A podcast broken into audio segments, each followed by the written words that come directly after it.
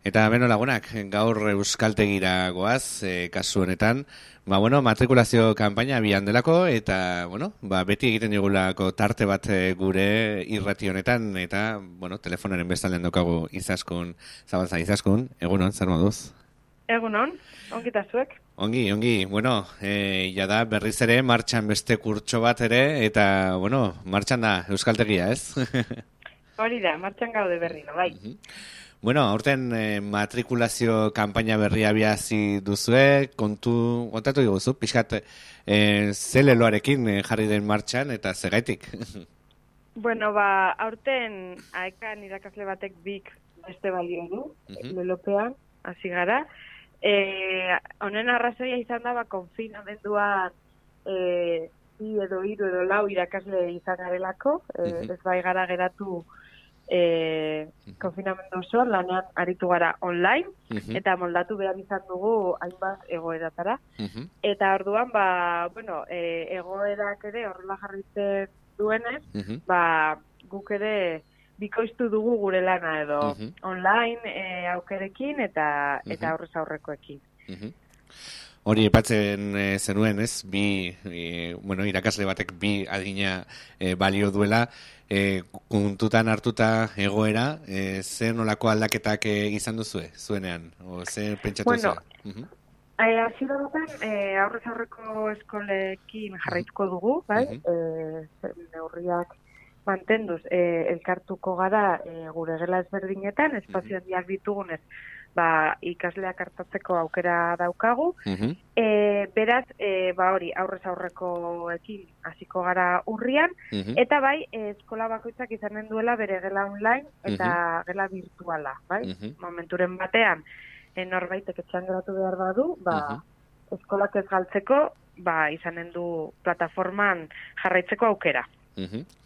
Eta, bueno, e, matrikulazio kanpaina guztitan egiten duzutena ere e, lan saioak edo informazio saioak ezakite hoiek egiten hasi zareten, e, noiz izanen dira, konta gozo?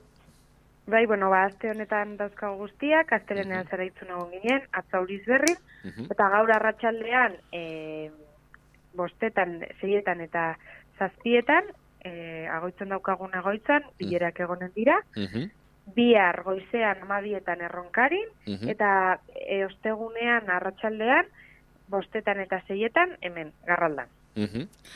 Eta, bueno, konta eguzu pixate zeintzuk diren, e, eginen diren e, pixate mailak edo nola antolatu duzuen ere e, klase presentzialak, e, noen izanen diren ja taldeak, e, bezakit? Bueno, ba, hemen garraldan e, bi talde izanen ditu, bi hiru talde.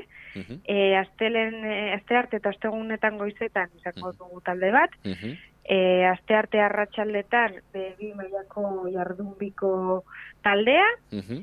E, auriz berrin, e, astelen eta asteazkenetan, e, behaitare badaukagu zeietatik sortzitzer dietara eskola bat, e, egunak uste dut mantenduko direla, baina hortxe pentsatzen ari dira ikasleak agian aldatuko dituztela.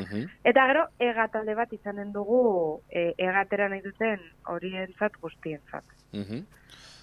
Hori oraindik ba, ba, biharko bilera zehaztuko dugu zein egun, eta... Uh Eta, bueno, e, ze preziotan izanen hori da, e, kurtsoa, ezakit?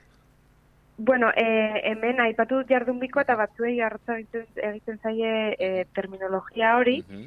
e, jardunbiko ikastaroak e, izaten dira em, online, e, online e, aurrez aurre eta tutoretzekin. Kasu honetan, berreun eta bost ordu dira, uh -huh. eun ordu taldean, eun bakoitza bere kabuz online, eta bost tutoretzekin, eta horren prezioa da, la, laureun eta laro gehieta bost euro. Eta gero, e, e, un eta iruro gehieta bost orduko ikastaroak, irureun eta goita ma iru euro, eta gero autoikaskuntza, e, laureun eta lau euro. Hori da gure, gure prezioa. Eta, bueno, izena eman nahi duenak, zer egin behar du, e, apuntatzeko?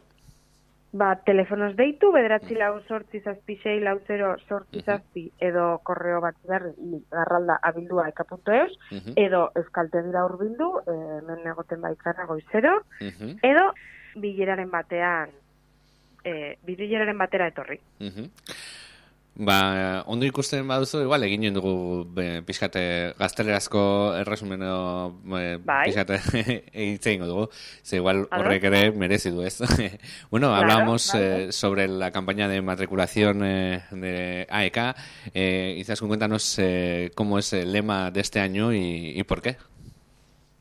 Una profesora de AEK vale por dos. Uh -huh. ¿eh? Ese es el lema que... Uh -huh hemos utilizado este año. En el confinamiento no hemos parado y nos hemos duplicado, triplicado y cuatriplicado casi, porque hemos tenido que amoldarnos a diferentes plataformas para poder continuar trabajando. Eh, hemos estado a tope y nuestros alumnos y alumnas también han estado con nosotras a tope.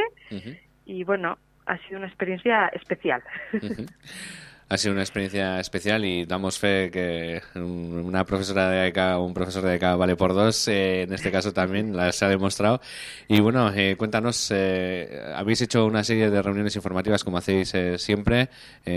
¿Cuáles son, qué fechas se habéis organizado unas nuevas? ¿Cómo va a ser? Pues eh, hoy a la tarde eh, haremos eh, reunión en Agoitz, en el Euskaltegui, a las 5 y a las 6 y a las 7. eh, mañana por la mañana en Roncal a las 12 de la mañana. Y, y, el jueves por la tarde a las 5 y a las 6 en, aquí, en el Euskaltegui. Y bueno, toda aquella persona que quiera apuntarse a ECA o matricularse en ECA, ¿qué, qué debe hacer?